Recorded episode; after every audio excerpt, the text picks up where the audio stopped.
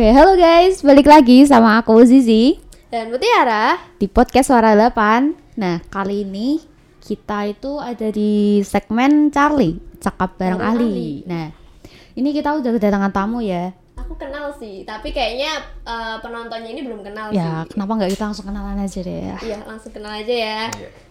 Ini, ada siapa nih kak?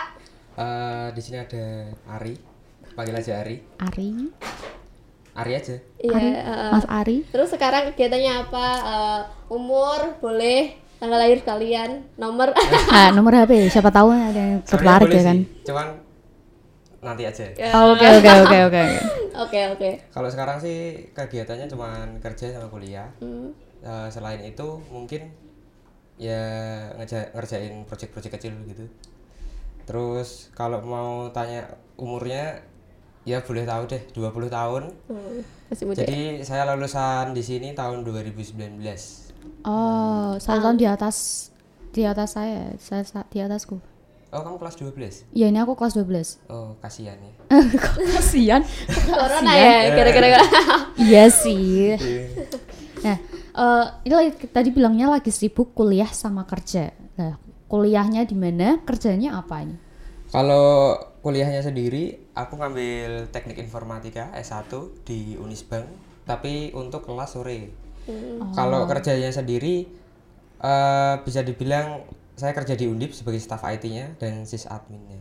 Gitu. Oh, itu Itu kerjanya ngapain tuh? Loh, belum tahu. Belum, tahu. Aduh, beri beritahu dong. Intinya kalau kalian udah jadi staff IT itu kalian bisa disebut Superman. Oh, Superman, Superman. superhero aku dong. main jadi Iron Man aja ya. Udahlah. Boleh tuh makan odading dulu. Iya. Oke, oke, oke. Oke, kalau bisa dibilang Superman itu sebenarnya eh, di Indonesia ini masih tabu sekali yang namanya staff IT ya. Kalau misalnya orang nyebutnya staff IT, pasti kalian bisa semuanya yang berhubungan dengan listrik. Oh, kabel-kabel gitu. Eh, Misalnya remote rusak itu ngambil staff IT. Ah, Remote AC rusak juga ngambil staff IT. oh bilang gitu. Tapi lebih basicnya kita lebih ke seperti support eh, komputer atau jaringan-jaringan atau aplikasi. Biasanya sih lebih ke jaringan sih kalau staff IT gitu. Oh, jaringan berarti tadi kan Mas Ari nggak nyebutin ya, berarti kalian seharusnya udah tahu lah kalau misalnya jaringan ini pasti lulusan dari jurusan TKJ. Ah, TKJ, Jurusanku itu. nih.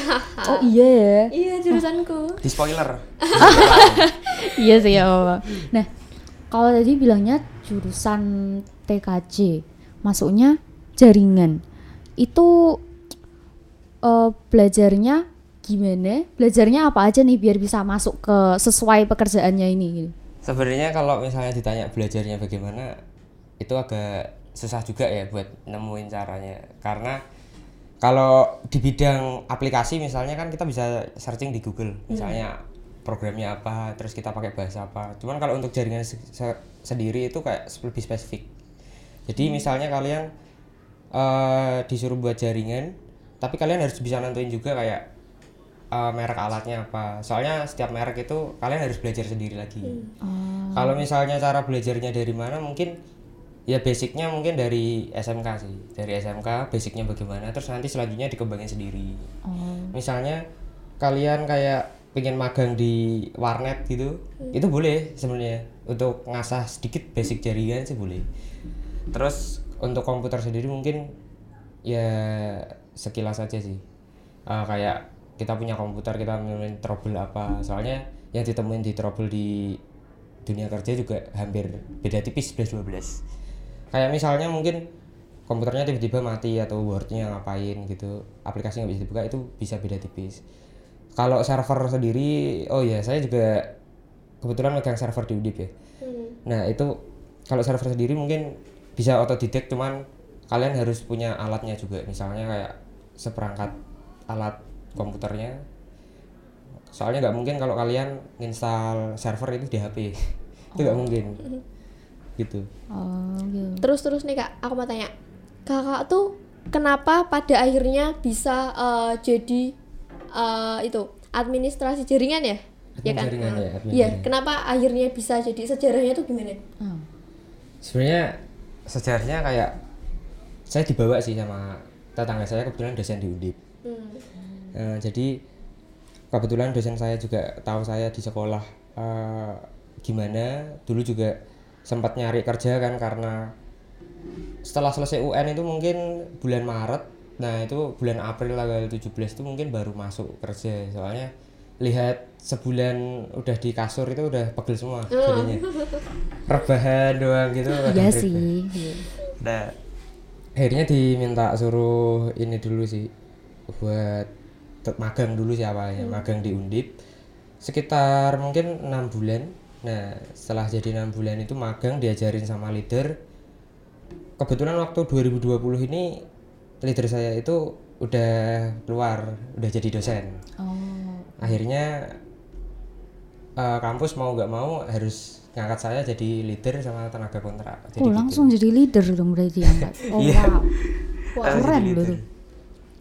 jadi leadernya itu mungkin kayak project leader gitu ya jadi seperti ada masalah apa nanti kita yang mengalokasikan siapa nanti yang ngerjain tapi untuk sekarang ini mungkin masih saya sendiri sih karena mungkin ya kekurangan orang juga gitu Kamu ada ketertarikan gak buat kayak ngikutin jalannya Mas Ari? Aduh, aku tuh pengen sih. Pengen. Aku aja waktu magang kita sempat ketemuan ya kayak, aduh. Oh, oh ketemunya di ma- waktu magang. Iya, waktu aku mau daftar magang. Oh, Tapi kan oh. karena pandemi ini ya udah nggak jadi. Ah gitu. Oh ya ngomong-ngomong soal pandemi nih, susah Iya. susah atau enggak ini? Ada kayak halangan gitu mungkin? sebenarnya kalau di staff IT sendiri kita lebih ke pekerjaan lapangan ya Hmm. jadi ada trouble di lapangan tapi karena ada pandemi ini kan eh, staff-staff lain juga ada yang namanya WFH work from home Hmm, Oh, iya. Oke oke. nah jadi mungkin tugas kita sedikit lebih ringan cuman kita harus mantau juga kayak servernya bagaimana apakah itu masih hidup atau stabil atau enggak dan gimana pun cuman kalau yang lebih pasti terkait masalah pandemi ini sih kerjaanku jadi lebih ringan sih gitu. Oh ternyata ada efek bagusnya, ada Iya. efek positifnya Iya. buat Mas Ari ini.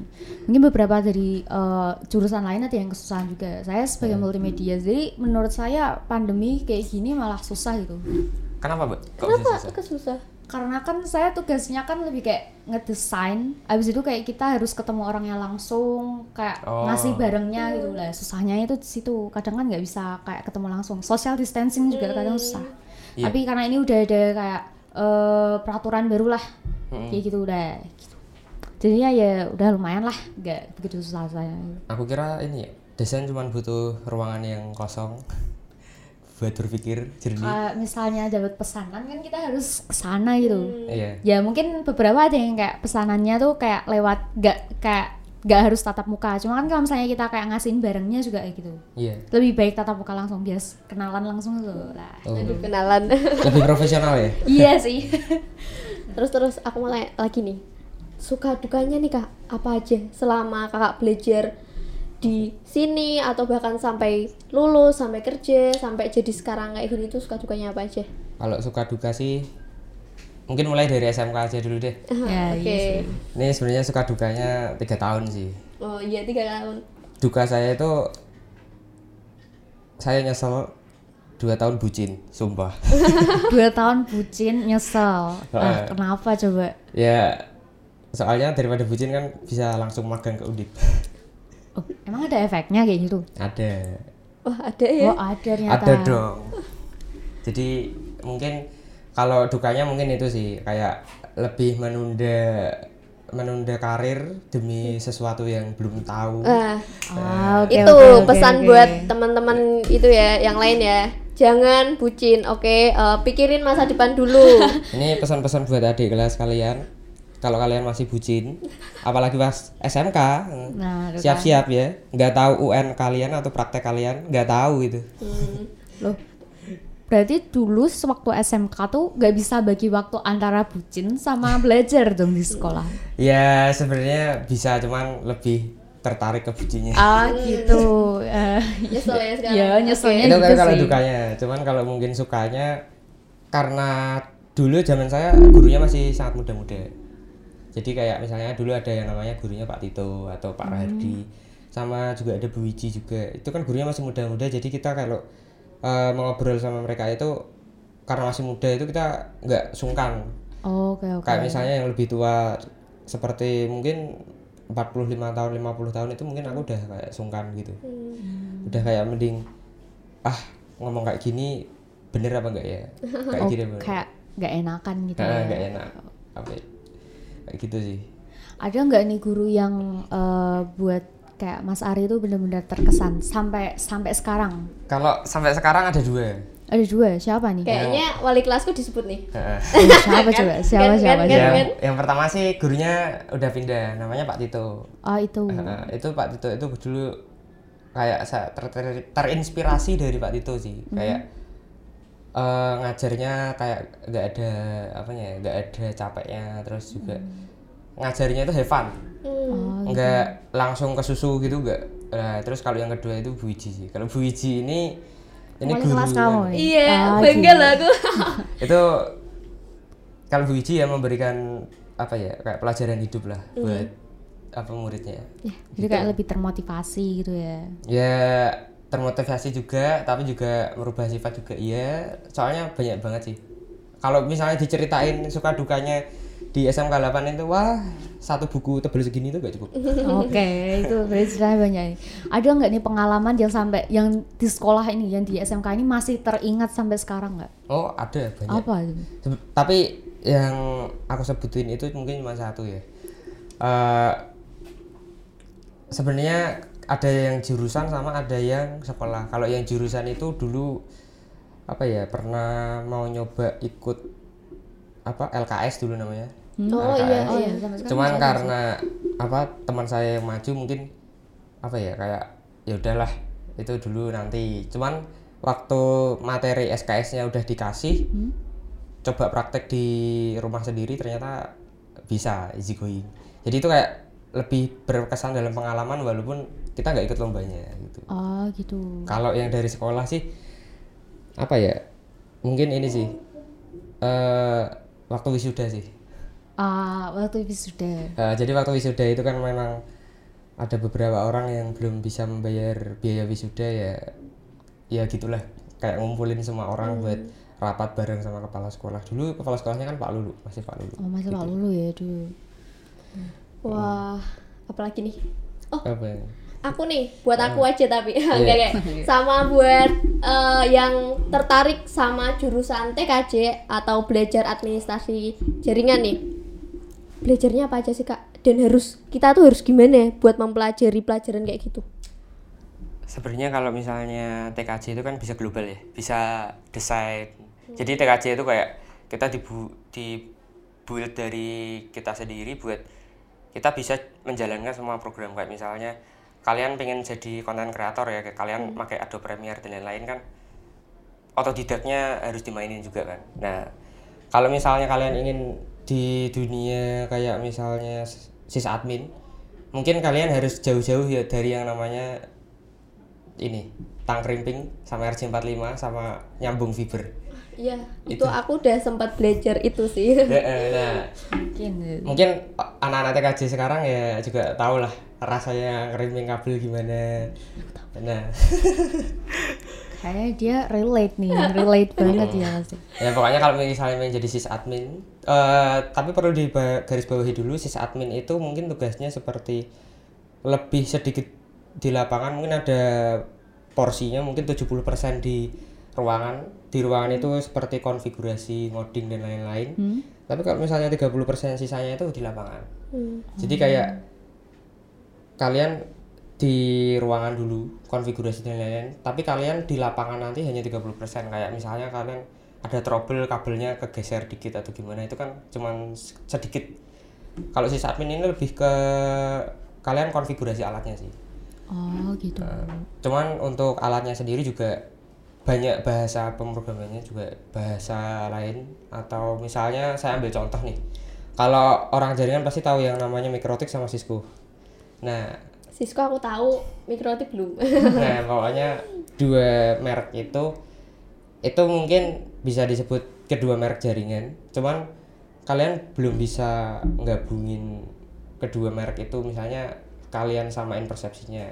Jadi misalnya ini ada sebuah router eh, ingin ke ruangan ini. Sebenarnya dua alat ini bisa tinggal kasih router merek apa pun ke ruangan ini. Cuman kalian pasti nggak tahu cara konfigurasinya kan konfigurasi routernya. Jadi kalian harus belajar sendiri kayak bagaimana caranya konfigurasinya bahasa apa yang dipakai. Jadi memang disebut staff jaringan itu lebih banyak baca sih lebih banyak baca lebih banyak praktek. Tapi buat adik-adik yang di luar mungkin alat yang recommended buat sekarang mungkin mikrotik dulu. Soalnya buat basic dulu kan. Soalnya juga kalian kayak ngejar sesuatu yang mahal itu gak bakal kesampaian juga. Jadi mending kalian mulai dari basic kalian nyamannya pakai apa? Kalau misalnya uangnya cukup beli Cisco ya Cisco. Kalau misalnya cuma cukup buat mikrotik ya mikrotik aja kayak didalami aja sih Iya. Oh Gitu. gitu. Oh. Oke, Mas Ari, ini ada motivasi gitu karena ini kan pandemi nih ya. Nah, yang magang dari yang magang ini anak-anak magang ini sekarang magang dari rumah, terus sekolahnya sekolah online, sekolah di rumah. Nah, ini- ada nggak nih motivasi buat adik kelasnya Mas Ari ini untuk biar gimana caranya biar kita itu nggak terus-terusan bermalas-malasan di rumah karena belajar ini kan penting, terutama buat buat yang kelas 12 nih, habis ini mau lulus, mau kuliah, mau kerja atau gimana gitu ya. Nah, gimana caranya biar kita ini enggak istilahnya tidak menunda-nunda lah gitu. gampang sih. Eh, mungkin bukan motivasi cuman pesan aja sih. Kalau misalnya kalian masih nunda-nunda ya jangan sampai ini sih. Jangan sampai itu kalian besoknya nyesel. Soalnya emang bener sih. Yang disebut nunda-nunda gitu emang nggak enak. Soalnya kayak kalian udah kalian harus saja bisa belajar ini. Kayak tadi misalnya aku bucin dua tahun itu aku harus bisa bisa belajar ini. Cuman karena dua tahun aku bucin jadinya nggak kesampaian bisa- ya. nggak Sampean gitu. Wah, ya tapi eh, sebenarnya bukan alasannya bukan ke bucinya sih cuman waktunya dibagi aja.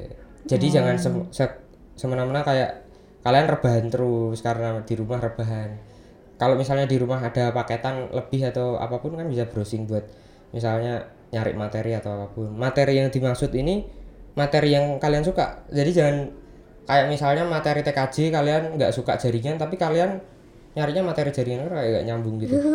Jadi kayak misalnya kalian sukanya lebih ke fotografi ya misalnya kita cari aja Didalami fotografi. gitu Nah, ya, sesuai dengan bakatnya masing-masing gitu kan. soalnya banyak juga ya kayak kalian lulus misalnya TKJ bukan berarti kalian kerjanya besok juga har- Harus sejalan. Kalian punya passion sendiri-sendiri. Jadi jangan apa ya jangan tertutup sama hal baru. Kalau itu jangan tertutup sama hal baru membagi waktu mungkin sama apa ya mungkin lebih lebih disiplin aja sih. Walaupun aku belum bisa disiplin ya. Introspeksi diri juga ya kita ya semua gitu. tapi aslinya juga disiplin itu juga susah sih Iya, menurut saya juga susah. bukan susah lagi mungkin kalau buat aku impossible Tapi tetap berusaha ya kan. Eh sebenarnya berusaha itu iya cuman lebih enak nggak berusaha sih Boleh gitu saya. Kok Soal- gitu sih? ya soalnya gini misalnya kita suruh disiplin nih itu aku nggak mungkin berangkat ke SMK pagi kalau sepatunya nggak dicat jadi kalau misalnya telat kan sepatunya suruh dicat suruh lari simpang lima. Itu mungkin aku nggak bakal berangkat pagi kalau aku malas ngelakuin itu. Hmm, jadi aku ada kayak apa ya kayak kalian harus disiplin itu.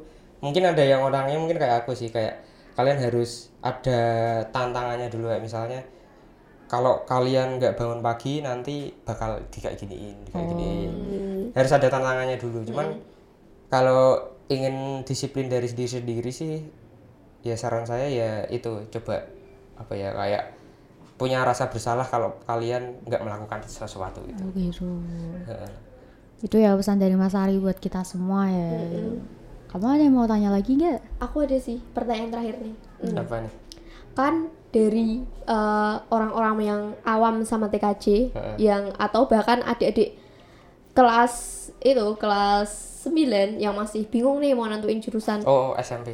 Ya, itu kan kalau tahu TKJ kan mungkin taunya kayak alah ini paling nanti bongkar pasang itu Kabel yang Oh, semacamnya kabel kayak gitu. macam. terus cuma itu uh, jaga warna doang terus cuma gini-gini doang ah. jadi apa ya warnet kayak- kayak gitu tuh menurut kakak nih buat mereka pesannya tuh apa sih supaya TKJ tuh nggak nggak cuma di bidang itu aja nggak nggak jaga warnet doang gitu. Eh, sebenarnya ini sih mungkin mereka kepikiran juga karena beberapa persen lulusan Indonesia yang dari TKJ itu kan lebih mengarahnya ke situ mungkin.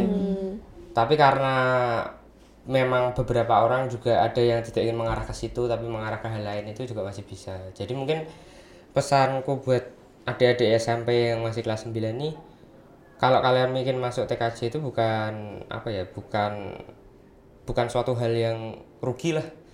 Kalian masih bisa mendapatkan kayak skill-skill khusus. Jadi jangan salah loh. Misalnya kayak staff-staff di luar itu mereka ada yang nggak bisa sama sekali buka Word.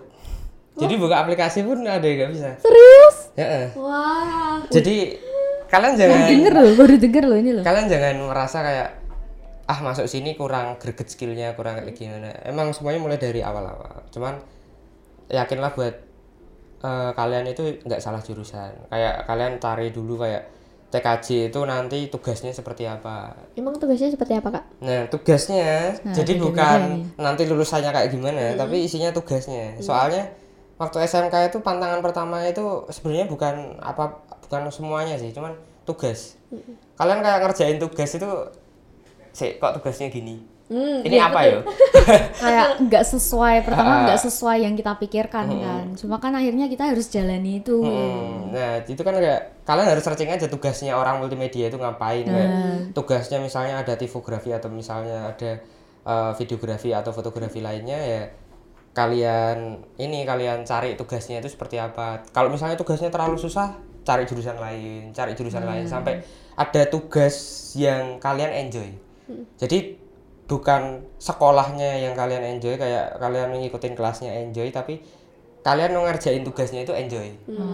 Soalnya nggak mungkin kayak aku nih eh, staff IT tapi disuruh jadi kuli bangunan kan nggak enjoy? Iya. Iya nggak sesuai sama Ya. passionnya gitu ya kan? Jadi kayak misalnya cari aja tugasnya bukan cari materinya nanti dapatnya apa cuman cari aja tugasnya nanti ngapain. Soalnya be- beberapa persen kalian lulus itu sih tugas sih awalnya. Soalnya kan memang SMK itu kan dari tugas kan. Iya. Tapi juga kalau misalnya kalian dapat tugas juga ya dikerjain. Ya harus. Ya sih Dikerjain. sekolah ada tugas kerjain gitu kan kalau misalnya nggak kalian kerjain ya sama aja. Kalian udah passionnya sama tapi nger- kalian ngerasa kayak ah aku udah bisa ngerjain ini cuman aku malas ngerjain ah nggak usah ngerjain gitu kayak juga nggak imbang juga. Jadi mending jalannya beriringan. Kayak passionnya sama bakatnya juga beriringan. Nah, harus balance gitu Hmm. ya. Kalau nggak balance nanti miring sebelah kan nggak enak. Iya sih. iya bener banget bener banget. Kalian aja kalau naik motor ban depan atau belakang bocor satu aja kan nggak iya ya? Iya nggak nggak imbang. enak banget. Ha, berarti besok yang satunya juga bocorin juga antara satunya dibocorin sama satunya dibenerin. Oh, iya. masa yang satu udah jelek kalau satunya dijelekin kan ya maksudnya kan biar susah susah sekalian. Gitu ternyata. Kalau ada yang susah kenapa yang mudah gitu ya? Ha, Indonesia kenapa kalau ada yang mudah kenapa nggak yang susah? Lah. beda-beda kan perspektif Hmm. orang itu. Terus apa lagi ya? Oh udah nih kayaknya ini udah udah berapa menit ya? Ini nggak lihat sih. Aku juga nggak lihat sih. Ini kelihatannya masih 20 menitan deh. Rasanya kayak udah lama banget ya kita ngobrol-ngobrol. Mas Eri tapi makasih loh udah mau datang ke sini. Oh sama-sama juga sih. Tapi tapi tapi nggak nggak begitu sibuk-sibuk kan hari ini? Eh, hari ini memang karena ada event tertentu kan dari kantor ngizinin juga. Jadi oh gitu. modelnya instansi itu kalau kalian izin untuk hal tertentu pasti kalian diizinin kok. Jadi jangan kalian mikir kayak ah ini izin kantorku nanti diizinin apa enggak ya? Terus akhirnya kalian nggak datang. Lebih baik kalian berani ngomong dulu aja kayak izin. Buktinya kalau malah izin itu dari kantorku malah ini juga kayak ngasih izin terus juga mau ngajuin kerjasama juga sih mungkin kayak gitu. Jadi kan memang eh sekarang ini yang banyak dicari itu lebih ke apa ya ke SMK soalnya walaupun kalian di kantor yang besar kayak mereka nyarinya S1 dan S2 itu belum tentu loh mereka lebih pintar dari kalian semua. Oh. kayak tadi contohnya mungkin Wah. dia pintar di bagian akuntansi dan lain-lain atau dengan eh, Excel dan something gitu kan. Tapi mereka belum tentu bisa mengoperasikan Excel dengan baik. Jadi kalian jangan apa ya lebih percaya diri aja sih sama berani ngomong gitu. Sama selalu belajar ya. Iya. kalau belajar itu sebenarnya bukan selalu sih. Jangan lupa belajar. Ah, iya, iya. kalian iya. selalu belajar eh, kalau misalnya enggak capek, iya, capek ada capeknya juga gitu. masa belajar terus? Kalau kecuali kalau belajar tapi di sampingnya itu ada foto idola kesukaan. Aduh. Misalnya ada Jihyo aduh. loh tahu.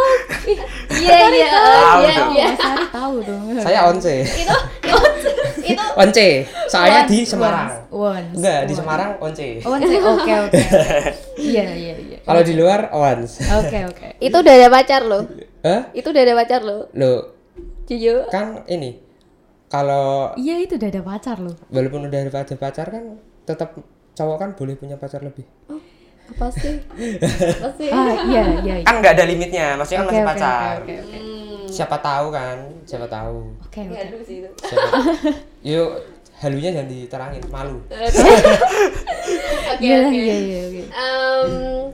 Cukup ya Ya ini udah ngobrol-ngobrol banyak, udah udah tadi udah kayak udah ngasih motivasi, inspirasi, udah nyeritain tentang pengalaman. Siapa tahu buat kalian yang nonton ini, buat dengerin ini, nanti bisa kayak istilahnya, wah mau nih sama kayak saya sama kayak Mas Ari gitu, bisa sukses, terus berhenti bucin juga. siapa tahu kan, siapa tahu gitu. kalau misalnya ada adik kelas yang mungkin pengen tanya-tanya kan nanti boleh lah kayak minta nomor WA saya Nah. mungkin nanti via Mbak Mutiara bisa lah ah Ah, iya, kenalan sekalian sekalian tanya-tanya ini kayak Tapi- gimana gitu. nanti aku kasih Ah, gitu. tapi ini ya minta nomornya saya bukan kalian minta nomorku tapi malah ngechatnya sama Mutiara terus-terusan itu modus namanya Ini buat yang cowok ya kayak. Heeh, buat yang cowok Oke. kalau yang cewek pasti kan langsung follow IG Oh, ya. Mau mau nyam, mau nya, mau ngasih tahu IG-nya sekalian ya? boleh boleh sih oh oke silakan nanti mungkin